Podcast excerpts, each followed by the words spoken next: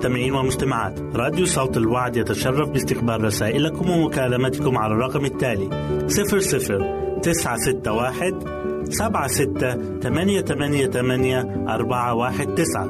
نشكركم ونتمنى التواصل معكم. والسلام علينا وعليكم.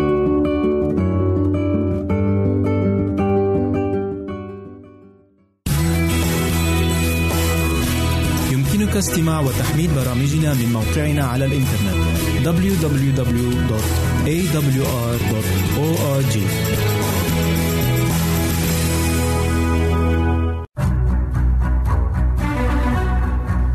أعزائي المستمعين والمستمعات يتشرف راديو صوت الوعد باستقبال أي مقترحات أو استفسارات عبر البريد الإلكتروني التالي راديو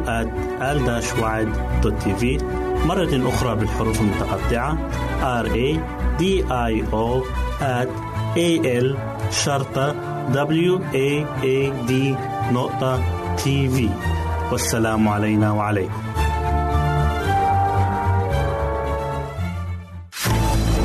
أعزائي المستمعين والمستمعات راديو صوت الوعد لا يكتفي بخدمتكم عبر الموجات الصوتية فقط بل وإنه يطرح لكم موقعا إلكترونيا يمكنكم من خلاله مشاهدة أجمل البرامج الدينية الثقافية الاجتماعية وغيرها من المواضيع الشيقة. يمكنكم زيارة الموقع من خلال العنوان التالي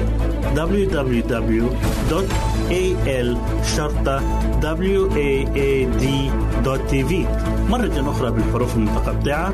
Www.al-waad.tv والسلام علينا وعليكم.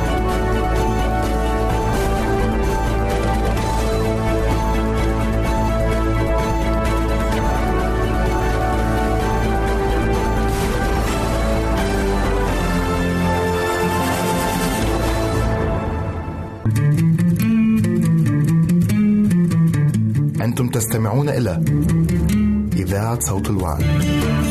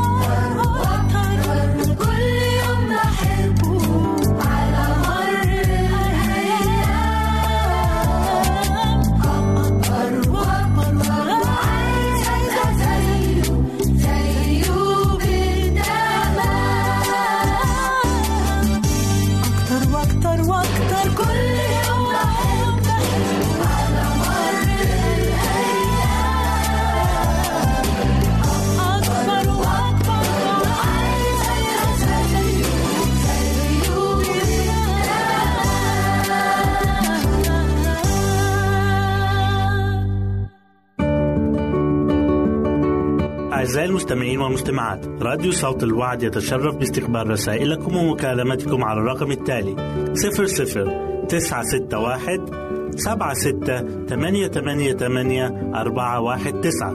نشكركم ونتمنى التواصل معكم. والسلام علينا وعليكم.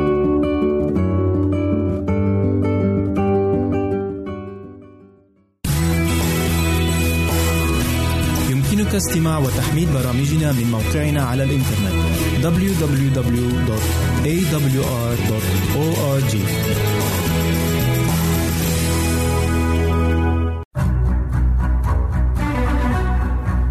أعزائي المستمعين والمستمعات تتشرف راديو صوت الوعد باستقبال أي مقترحات أو استفسارات عبر البريد الإلكتروني التالي راديو تي في مرة أخرى بالحروف المتقطعة R A D I O at A L شرطة W A A D نقطة تي في والسلام علينا وعليكم. أهلا وسهلا بكم مستمعينا الكرام في كل مكان. يسعدني أن أقدم لكم برنامج أطفالنا زينة حياتنا. تكلمنا في الحلقة السابقة عن بعض العادات الرديئة التي يقوم بها الطفل. كعادة رضاعة أي شيء أو مص اللسان أو عدم النوم دون قنينة.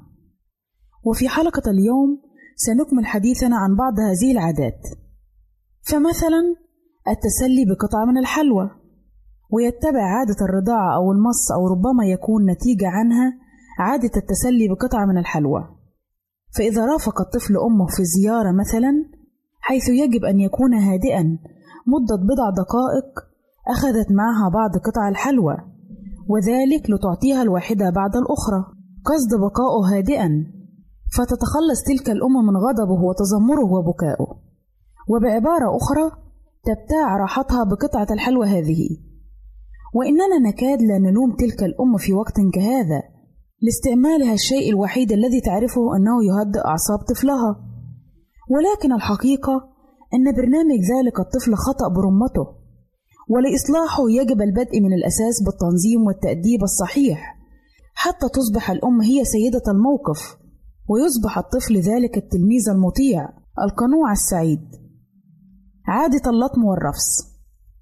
إذ لم ينل الطفل ما يريده أو إذا عارض أحد إرادته يلطم ويرفس ويرمي كل شيء يجده في طريقه. تبدأ هذه العادة غالبا عندما يكون الطفل في سنته الأولى. وتتخذ تجاهه موقفين أو ثلاثة. بما أن الضربة التي يقوم بها الطفل لا تؤذي ولا تؤلم يقابلها الكبار بالضحك والسرور لأنها تظهر مقبولة جدا وحسنة. وبعد أن يحدث ذلك عدة مرات ويصبح الأمر مزعجا تقابله الأم بقولها لا لا لا. ويزداد فرح الولد بذلك إلى أن يأتي يوم تمتد فيه يد الطفل وتصفح وجه الأم فتردد التهديد نفسه بألم يحز في نفسها فتمسك الطفل وتهزه فتثير فيه طبعه الحاد فيصرخ ويعربد فما كان أسهل على الأم وعلى الطفل؟ أن تلطم برشاقة تلك اليدين الصغيرتين أول مرة أبدى فيها هذا الميل. فلو فعلت الأم ذلك لكانت مرة واحدة كافية أو على الأكثر مرتان أو ثلاثة. أن تنبه في الطفل حاسة ضبط النفس والامتناع عن هذا العمل. عادة حدة الطبع وهي عادة تظهر بمظاهر مختلفة في كثير من الأولاد فيصيحون ويلطمون رؤوسهم ويرفسون بأرجلهم ولمعالجة موقف كهذا طريقتان يختار الوالد أو الوالدة إحداهما طبقا للموقف. إذا أظهر الولد أخلاقا شرسة كهذه أهجر الغرفة التي أنت فيها معه واتركه لنفسه فيهدأ حالا. إذ ليس من ولد يحب أن يقوم بهذه الحركات وليس أمامه أحد. غير أنه لا يمكن في كل حالة استعمال هذه الطريقة. إذ قد يكون الوالد في عجلة أو ينتظر أحد ويجب أن يهدأ الولد حالا. ولا سيما إذا كانت هذه العادة قد تسلطت عليه حتى أن الوالد يرغب في استئصالها منه سريعا. وهناك طريقة الضرب.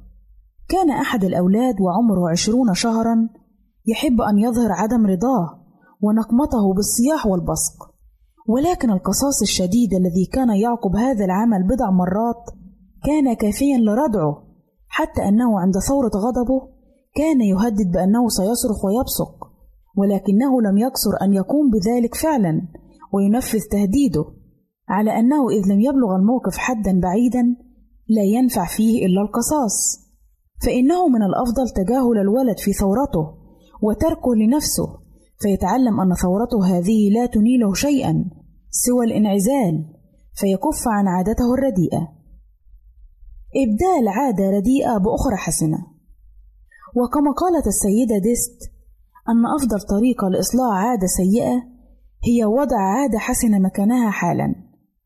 فنقول مثلا للولد الذي يضع أصبعه في فمه أنت لا تقصد هذا أليس كذلك؟ والآن اذهب واغسل أصبعك لأننا نريد أن نحفظ كل شيء نظيفا هنا. وحالا يذهب الولد ويغسل أصبعه أو لعبته فبعد تكرار ذلك بضع مرات تنشأ عادة حسنة مكان القبيحة. عادة الاستمناء باليد. إن الطفل الذي ينشأ على برنامج طبيعي صحيح لا يمكن أن يكتسب هذه العادة في سن مبكرة كهذه. إنما الخوف من الاتجاه نحو هذا الميل هو على الطفل المهمل الذي تصيبه تهيجات موضعية. وأما الطفل الذي توجه العناية اللازمة إلى تدريبه الجسدي والعقلي فإنه في مأمن من هذا القبيل. على أنه إذا ظهر الميل في الطفل نحو هذه العادة يجب استشارة الطبيب حالا ليقوم بفحص الطفل فحصا طبيا دقيقا. ولكن يمكن اتخاذ التدابير الآتية. مراقبة الطفل جيدا دون أن يشعر أن هناك من يراقبه بل تكون هذه المراقبة بشكل مرافقته صرف انتباهه عن نفسه وتوجيه أفكاره إلى الخارج بواسطة الألعاب المغرية الجذابة. حفظ ثيابه مريحة واسعة ونظيفة. تدريب جهازه العصبي تدريبا صحيحا وتنميته بواسطة برنامج صحي منظم. والحذر كل الحذر من أن يشعر الطفل أن هذه العادة تحدث له قلقا شديدا أو خوفا منها كما أنه يجب أن لا يتعرى الطفل إذا كان قد تقدم قليلا في العمر. ثم يجب الحذر من أن نقوم نحوه فيما يتعلق بهذه العادة بشيء غرس في ذاكرته فلا ينساه أبدا لأن الأمر الأساسي في التغلب على هذه العادة هو أن ينساها الطفل كل النسيان كما أنه يجب أن لا يعاقب بسببها بل يجب أن تقوم معالجتها على أساس نفسي وغير شخصي وبطريقة عارضة بالنسبة إلى ما يلاحظه الطفل. إلى هنا نأتي أعزائي إلى نهاية برنامجنا أطفالنا زينة حياتنا وإلى لقاء آخر على أمل أن نلتقي بكم تقبلوا مني ومن أسرة البرنامج أرق وأطيب تحية وسلام الله معكم. أعزائي المستمعين والمستمعات راديو صوت الوعد لا يكتفي بخدمتكم عبر الموجات الصوتية فقط بل وإنه يطرح لكم موقعا إلكترونيا يمكنكم من خلاله مشاهدة أجمل البرامج الدينية الثقافية الاجتماعية وغيرها من المواضيع الشيقة. يمكنكم زيارة الموقع من خلال العنوان التالي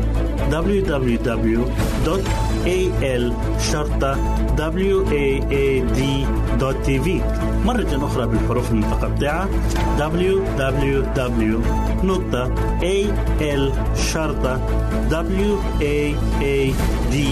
www.al-waad.tv والسلام علينا وعليكم.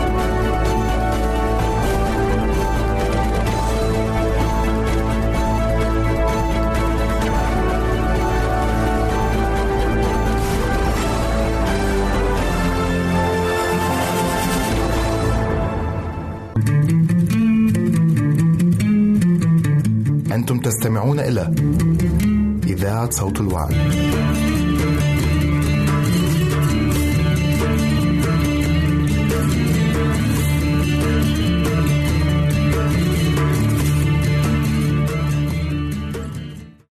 أنا كنبش المهرج. أضحك اللي بيتفرج. أصح صح النعسان وأشجع الغلبان. وجيت لكم أهو في العيد بلبس الفوسفوريك الجديد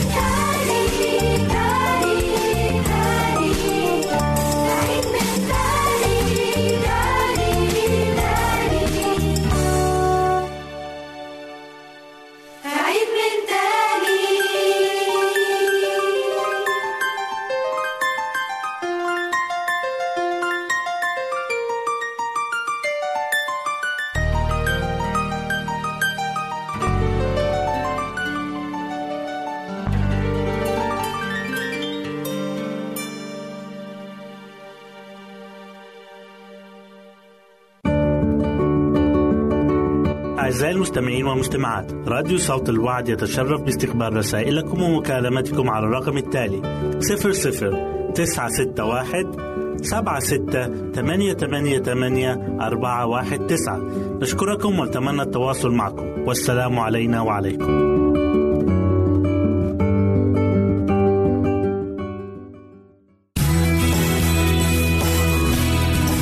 يمكنك استماع وتحميل برامجنا من موقعنا على الإنترنت www.awr.org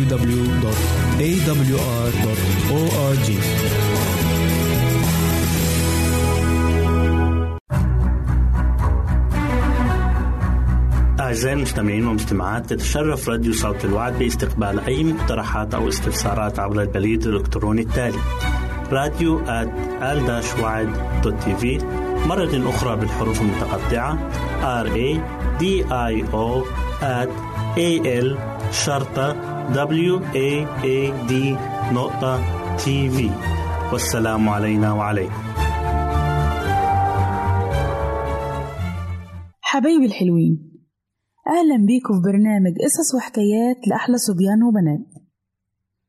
قصتنا النهاردة عن بنت اسمها سناء كتير من الناس اللي بيعيشوا في البلدان الحارة بيلاقوا إن هما لازم يهتموا بصحتهم كويس جدا وإلا بيصابوا بأمراض خطيرة. والأمراض ديت بتسبب ليهم ألم شديد جدا وممكن تسلبهم راحتهم وكمان ممكن تقضي على حياتهم. وأحد الأمراض ديت هي الملاريا. الملاريا مرض بيصاب بيه كتير من الناس ومن أكتر الناس عناية بأجسادهم. والمعروف إن المرض ده ليه دواء بيسمى الكينيا وده بيقلل من شدة المرض وبيخفف من حدته. بس المشكلة في الدواء ده إنه طعمه مر جدا وكل الأولاد الصغيرين مش بيحبوه. ومش كده وبس دول بيكرهوه كمان. وكانت البنت سناء ديت من الأولاد دول اللي بيكرهوا طعم الكينيا جدا. والبنت ديت ما أخفتش كرهها للدواء ده على مامتها. كانت سناء بتعيش في أحد المدن في أفريقيا. في بلاد بتكتر فيها الملاريا جدا. وللأسف أصيبت بالمرض ده هي وكل أفراد العيلة بتاعتها. وفي يوم من الأيام شعرت بنوبة مرض خطيرة وقاسية جدا. ولاحظت مامتها كده وراحت نيمتها في سريرها. وطلعت تجري بسرعة راحت جابت لها الدواء اللي هو الكيمياء لكن سناء زي ما أنا قلت لكم كانت بتكره طعم الدواء ده جدا لدرجة إنها كان سهل عليها إنها تمرض أكتر من إنها تاخد الدواء. وقعدت تتحايل عليها مامتها كتير عشان تشرب الدواء لكن مفيش فايدة أبدا. وكانت سناء بنت عنيدة. وقعدت كتير تلح عليها مامتها لأن مامتها كانت عارفة النتيجة إيه إذا هي ما خدتش العلاج. قالت لها يا سناء لازم تاخد العلاج. أنا خايفة عليكي أنا بحبك. لو ما أخدتيش العلاج هتتعبي أكتر. راحت سناء قالت لها لا يا ماما أنا مش عايزة أخد العلاج. قالت لها هتتعبي أكتر. قالت لها مش مهم. أتعب أتعب. يا بنتي لازم تاخدي العلاج. أنا مش عايزة أشوفك مريضة. أنا خايفة عليكي قوي قالت لها طيب بصي يا ماما إيه رأيك؟ أنتي سيبي الدواء هنا وطلعي شوفي شغلك وأنا هاخده. أوعدك يا ماما إن أنا هاخد الدواء.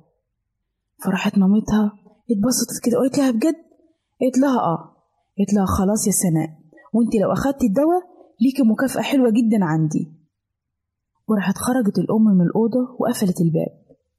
وبعد مدة رجعت ولقيت إزازة الدواء فاضية. فراحت ادت سناء شوكولاتة كمكافأة ليها إنها شربت الدواء.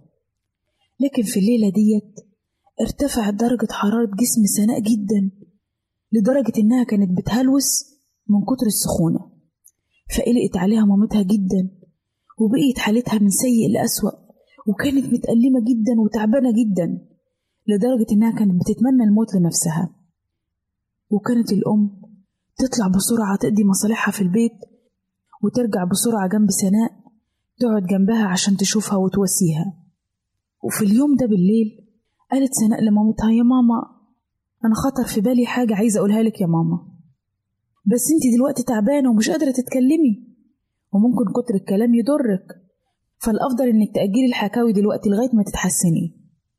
قالت لها لا يا ماما أنا لازم أنا أقولك ولازم أنا أقولك دلوقتي لأنه ممكن أنا ما اتحسنش قالت لها يعني عايزة تقولي إيه؟ قالت لها يا ماما أنا عارفة إن تعبت كده قوي ليه. قالت لها بجد أنت عارفة السبب؟ قالت لها آه يا ماما أنا عارفة. فاكرة يا ماما لما حاولتي تديني الدواء امبارح وأنا مرضتش أخده؟ وأنا وعدتك إن أنا هاخده وأنت اديتيني حاجة حلوة أكلها؟ قالت لها آه. قالت لها يعني إيه يا سناء؟ عايزة تقولي إيه؟ أنت ما أخدتيش الدواء؟ قالت لها آه يا ماما ما أخدتش الدواء. قالت لها أمال عملتي فيه إيه؟ قالت لها أنا رميته من الشباك. وقعدوا في صمت كده. ولما لقيت مامتها سكتت قالت لها يا ماما انت زعلانة مني؟ ردت الأم قالت لها لا يا بنتي أنا مش زعلانة منك أنا زعلانة عليكي. انت وصلتي لمرحلة صعبة جدا وتعبتي أكتر. أنا زعلانة عليكي. فعلا يا ماما أنا ما كانش عندي حق إن أنا ما أسمعش كلامك وإن أنا أخدعك. ودي نتيجة عدم الطاعة إن أنا دلوقتي نايمة على السرير وبتألم. انت كنتي على حق يا ماما. وتعهدت سناء من الوقت ده إنها ما تخدعش مامتها وما تكذبش عليها تاني لأن عارفة إن مامتها بتحبها وخايفة عليها وكل حاجة بتعملها هتكون لمصلحتها. ومن القصة دي يا ولاد نتعلم درس مهم جدا إننا نسمع كلامهم لأنهم بيخافوا علينا وبيحبونا.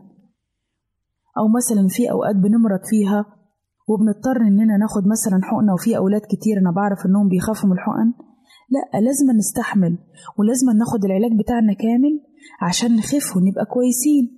وإلا هنتعب أكتر زي ما سناء تعبت. وبكده نكون وصلنا لنهاية قصتنا. واستنونا في قصة جديدة من برنامج قصص وحكايات لأحلى صبيان وبنات. ربنا معاكم. أعزائي المستمعين والمستمعات راديو صوت الوعد لا يكتفي بخدمتكم عبر الموجات الصوتية فقط بل وإنه يطرح لكم موقعا إلكترونيا يمكنكم من خلاله مشاهدة أجمل البرامج الدينية الثقافية الاجتماعية وغيرها من المواضيع الشيقة. يمكنكم زيارة الموقع من خلال العنوان التالي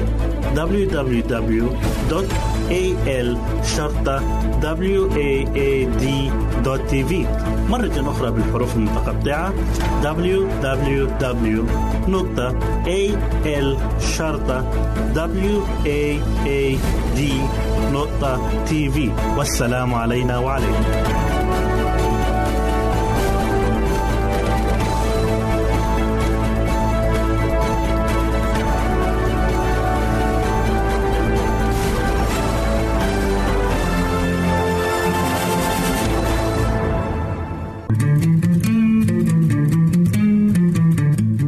تستمعون إلى إذاعة صوت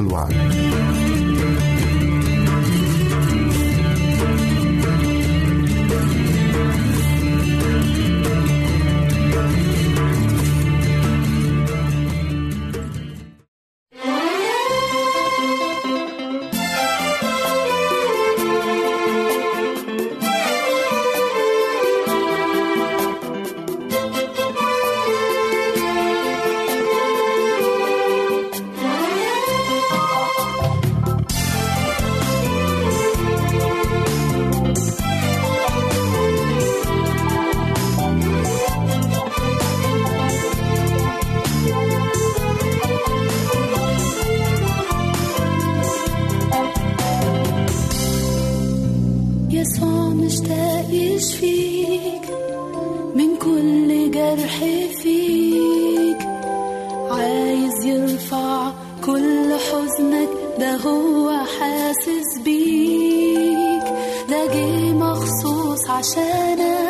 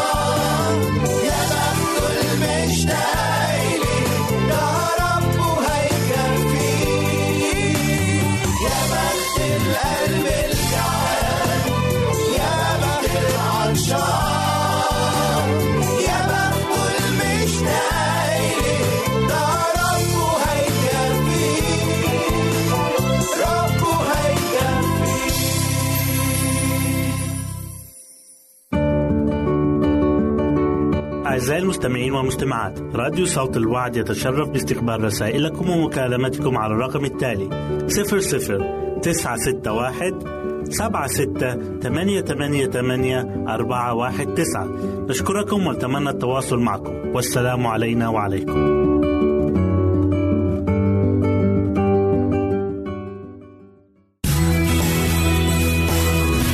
يمكنك استماع وتحميل برامجنا من موقعنا على الإنترنت. www.awr.org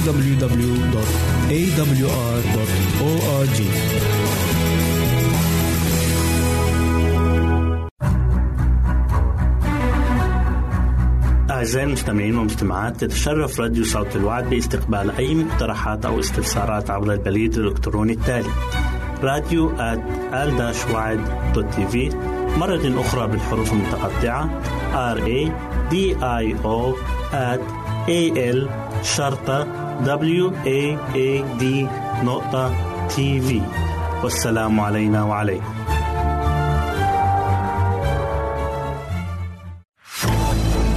أعزائي المستمعين والمستمعات راديو صوت الوعد لا يكتفي بخدمتكم عبر الموجات الصوتية فقط بل وإنه يطرح لكم موقعا إلكترونيا يمكنكم من خلاله مشاهدة أجمل البرامج الدينية الثقافية الاجتماعية وغيرها من المواضيع الشيقة. يمكنكم زيارة الموقع من خلال عنوان التالي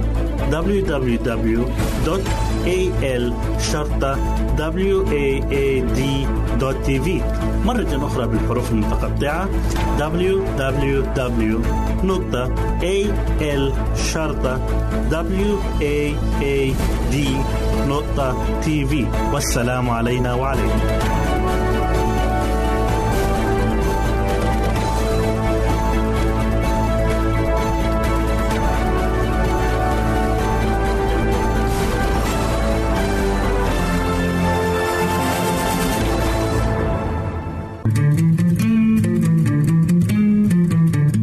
أنتم تستمعون إلى إذاعة صوت الوعي.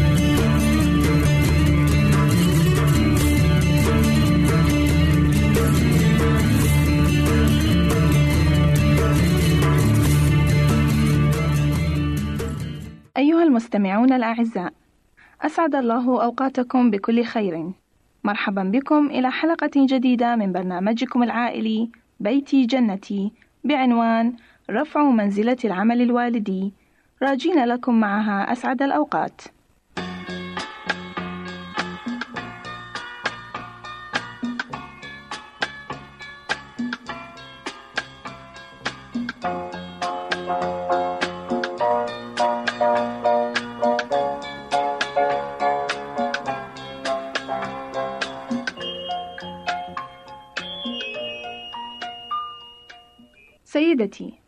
لو طرح عليك شخص ما هذا السؤال التالي.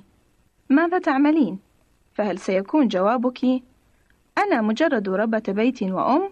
فالأمهات شخصيات مميزة ومهمة وقد حان الوقت لنقيم عملهن حسب قيمته الحقيقية. ونقترح على كل أم مستمعة بدلا من أن تقول أنا مجرد ربة بيت وأم لتجرب أن تقول شيئا مثل أنا مديرة وأخصائية في العلاقات العائلية. لقد آن الأوان لنرفع منزلة ربة البيت والأم إلى مستوى رفيع، لأن عمل الأبوة والأمومة لهو أهم مهنة يزاولها أي إنسان. ومع ذلك، فالواقع يظهر أن عمل الوالدين قد نزل إلى مستوى متدن في مجتمعات اليوم.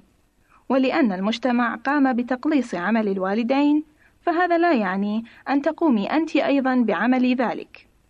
ابدأي التفكير بنفسك وعملك على أنه أهم عمل في العالم، وقومي بعمل شيء ما حول اللقب الذي تسمي نفسك به مجرد ربة بيت وأم.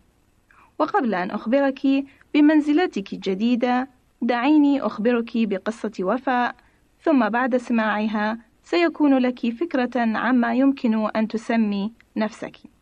أحبت وفاء عملها كزوجة وأم وربة بيت، ولكنها قررت أن تقوم بعمل شيء بالنسبة لمنزلة الأمومة المتدنية، لأن فكرة مجرد ربة بيت لم تكن تناسبها، فبدأت تدعو نفسها مديرة وأخصائية في العلاقات العائلية، وهذا اللقب كان حقيقة ينطبق عليها وعلى العمل الذي تقوم به تقريبا 24 ساعة يوميا.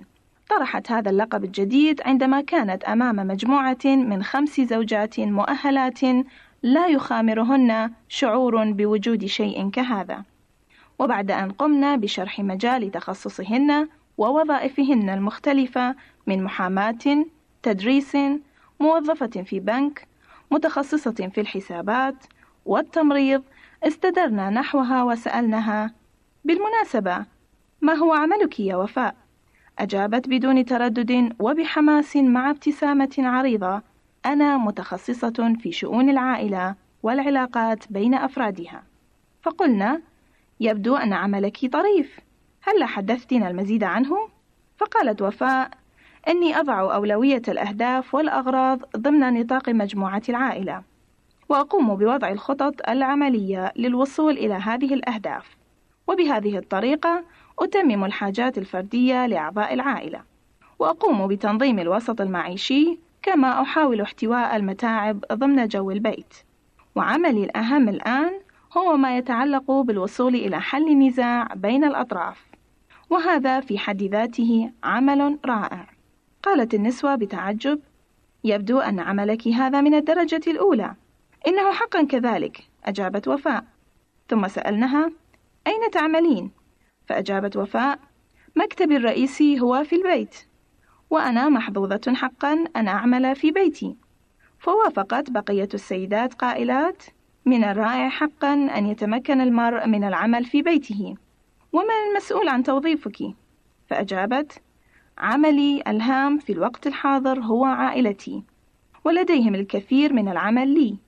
ولهذا لم أفكر بعد في فتح فروع جديدة وأنا قانعة بما أقوم به حيث أنا.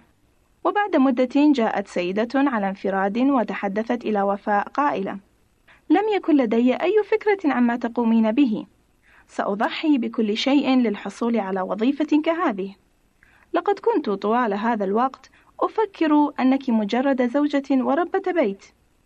ابتسمت وفاء قائلة كنت أفكر ذلك من قبل ولكني الآن أعتقد أن المنزلة التي تعطيها لعملك تعتمد على ما تضعينه فيه. وتابعت قائلة إن عمل النساء يجب أن يعطى أعلى منزلة في الدولة وفي معظم الحالات يستطعن إيجاد وظائف لهن في بيوتهن الخاصة. حقا كانت لوفاء فكرة رائعة. لماذا لا ترفعي منزلة عملك أختي المستمعة؟ من مجرد ربة بيت وأم إلى أخصائية في شؤون العائلة والعلاقات بين أفرادها. وأنا أراهن أنك ستجدين موكلك في داخل بيتك الخاص. مستمعتي الكريمة أعزائي المستمعين حان الوقت لإرسال تحية تقدير لك كأم وزوجة وربة بيت. وآن الأوان لكي تنظري إلى عملك كأروع عمل أسند إلى أي شخص. لا يوجد عمل آخر يضاهي عمل الأم في أهميته. فليس عليها أن ترسم صورة جميلة على القماش كما يفعل الفنان ولا أن تنحتها من الرخام كما يفعل النحات. وليس عليها أن تجسم فكرة نبيلة في كلمات قوية كالكاتب أو الأديب. وليس عليها أن تتشبه بالموسيقار في التعبير عن لحن عذب. ولكن عليها بمعونة الله أن تخلق في نفس بشرية الصورة الإلهية. وإلى أن نلتقي ثانية تقبلوا مني أمل نبيل كل أمان الخير والسعادة وفي سلام القدير نستودعكم. أعزائي المستمعين والمستمعات راديو صوت الوعد لا يكتفي بخدمتكم عبر الموجات الصوتية فقط بل وإنه يطرح لكم موقعا إلكترونيا يمكنكم من خلاله مشاهدة أجمل البرامج الدينية الثقافية الاجتماعية وغيرها من المواضيع الشيقة. يمكنكم زيارة الموقع من خلال العنوان التالي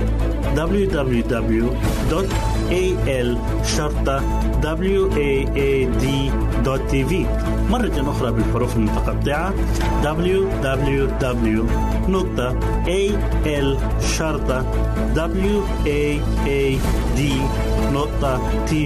والسلام علينا وعليكم.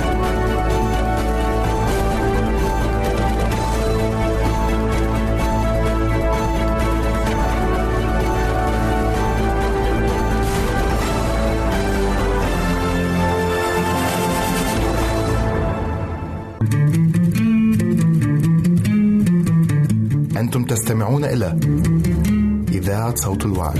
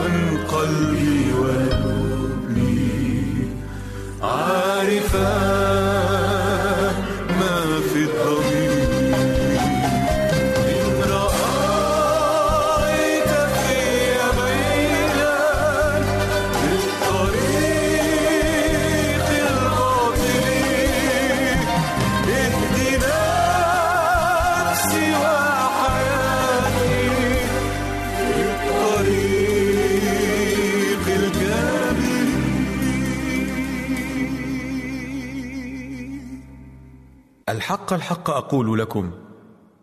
من يؤمن بي فله حياة أبدية. أنا هو خبز الحياة. أباؤكم أكلوا المن في البرية وماتوا. هذا هو الخبز النازل من السماء. لكي يأكل منه الإنسان ولا يموت. أنا هو الخبز الحي الذي نزل من السماء. إن أكل أحد من هذا الخبز يحيا إلى الأبد. والخبز الذي أنا أعطي هو جسدي الذي أبذله من أجل حياة العالم.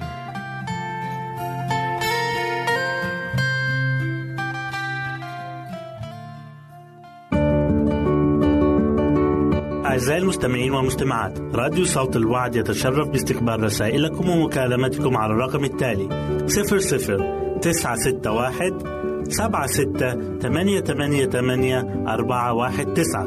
نشكركم ونتمنى التواصل معكم. والسلام علينا وعليكم.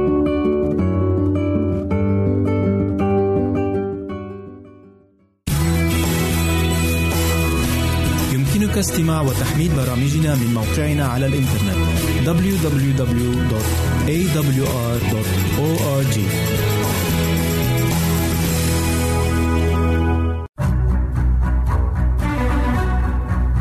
أعزائي المستمعين والمستمعات تتشرف راديو صوت الوعد باستقبال أي مقترحات أو استفسارات عبر البريد الإلكتروني التالي راديو دوت في مرة أخرى بالحروف المتقطعة R A D I O A L شرطة W A A D نقطة تي في والسلام علينا وعليكم.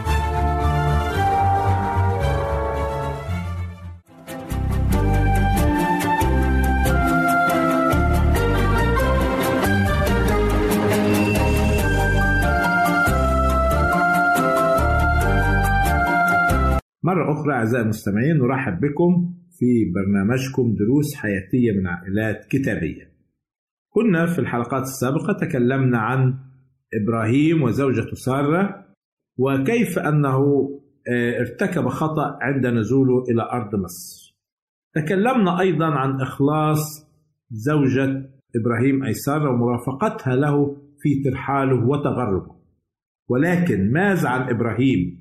هل كان هو أيضا مثالا للزوج المخلص والمحب لزوجته وأسرته؟ هناك مقولة طريفة تقول لو أردت أن تعرف مدى تدين شخص اسأل زوجته. من الممكن للإنسان أن يتظاهر أمام الناس بالتدين والأمانة. ولكن إن كان هذا رياء ومظاهر خداعة لن يستطيع أن يتظاهر بها في بيته مع زوجته بل سيعيش على طبيعته الحقيقية. كيف نعرف ونتأكد أن الشخص مخلص وأمين بحق؟ إذا كان الإنسان أمين ومخلص مع الله سوف يكون أمين ومخلص مع الناس. وإحنا بنعرف إن إبراهيم كان مخلص وأمين مع الله. ولهذا لو سألنا سارة عن إبراهيم ستحدثنا الكثير عن إخلاصه وأمانته في بيته. ونجد هذا مدون في الكتاب المقدس. كان إبراهيم متزوجا من سارة وكان يحبها وعاش معها سنوات طويلة دون أن ينجب أولادا منها لأنها كانت عاقرة. قديما كان إنجاب الأولاد شيء هام وأساسي بالنسبة للزواج. وكان هناك منظور ديني ينظر به إلى العاقل أنها خرجت من دائرة الوعد الإلهي بأن نسل المرأة يسحق رأس الحية. وكان البعض ينظرون إلى العاقل بأن الله غاضب عليها. كذلك كان الرجل ينظر إلى عدم إنجاب الأولاد بأن قبيلته ستندثر وسيمحى اسمه لأنه لا يوجد له نسل يحمل اسمه من بعده. فالمرأة العاقر قديما حتى وإن كانت جميلة كان زوجها في أغلب الأحوال يتركها ويتزوج بأخرى. حتى يبقى اسمه ونسله. ولكن إبراهيم كان مثال للزوج المخلص لزوجته فلم يسئ معاملتها ولم يفكر في الزواج من غيرها. لذلك كانت سارة تكرم زوجها وتحترمه وتدعوه سيدها. وهذا درس هام نتعلمه في هذه الأسرة أسرة إبراهيم وسارة. لا يجب على الزوج أن يسيء معاملة زوجته أو يهينها. كذلك يجب على الزوجة أن تحترم زوجها وتكرمه في كل وقت. وهذا لن يكون إلا إذا كان لنا أمانة وإخلاص لله أولا. عرفنا أيضا أن سارة أشارت على إبراهيم أن يتزوج من هاجر حتى ترزق منها بنين. ولكن عندما نقرأ في أصحاح 16 من تكوين نجد شيء غريب أن هاجر عندما حبلت بدأت سارة توجه اللوم إلى إبراهيم وتقول له أنه السبب في الظلم الذي حدث لها نتيجة زواجه لهاجر سارة دفعته للزواج بهاجر وبعد ذلك تلقي عليه اللوم. كيف يمكن أن نفسر هذا التناقض في تصرفات سارة؟ وما هو الدرس الذي يمكن أن نستفاده من ذلك كأسر وعائلات في هذا الموقف؟ بالفعل يخبرنا الكتاب المقدس أن سارة هي التي أشارت على إبراهيم أن يتزوج من هاجر ولكن يجب أن نعرف الأسباب والدوافع التي جعلتها تطلب هذا الأمر. فعندما نقرأ الأصحاح السابق أي تكوين 15 يتضح لنا بعض الأمور. فقد أعطى الله الوعد لإبراهيم بأن نسله سيكون كنجوم السماء.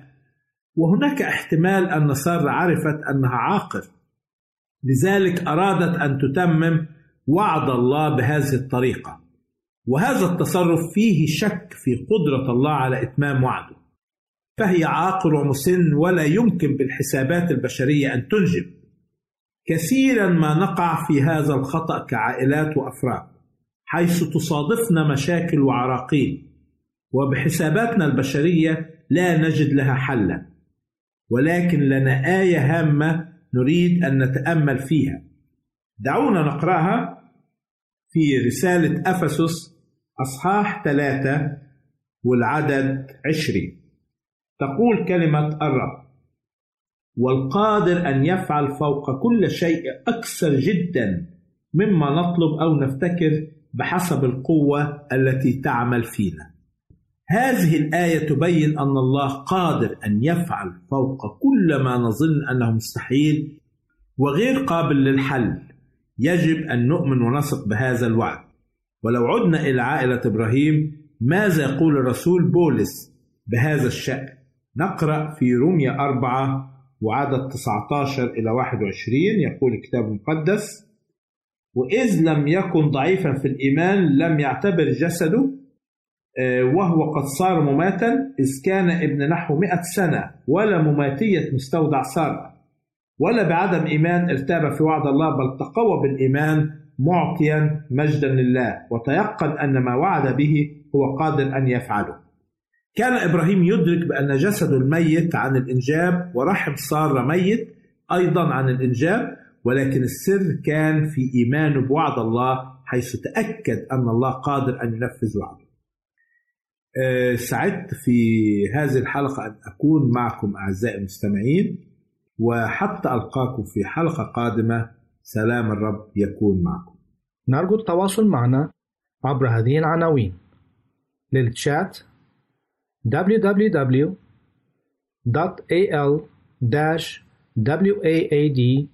www.al-waad.tv وللرسائل radio at al-waad.tv والاتصال عبر الواتساب 961 76 888 419 961 76 888 419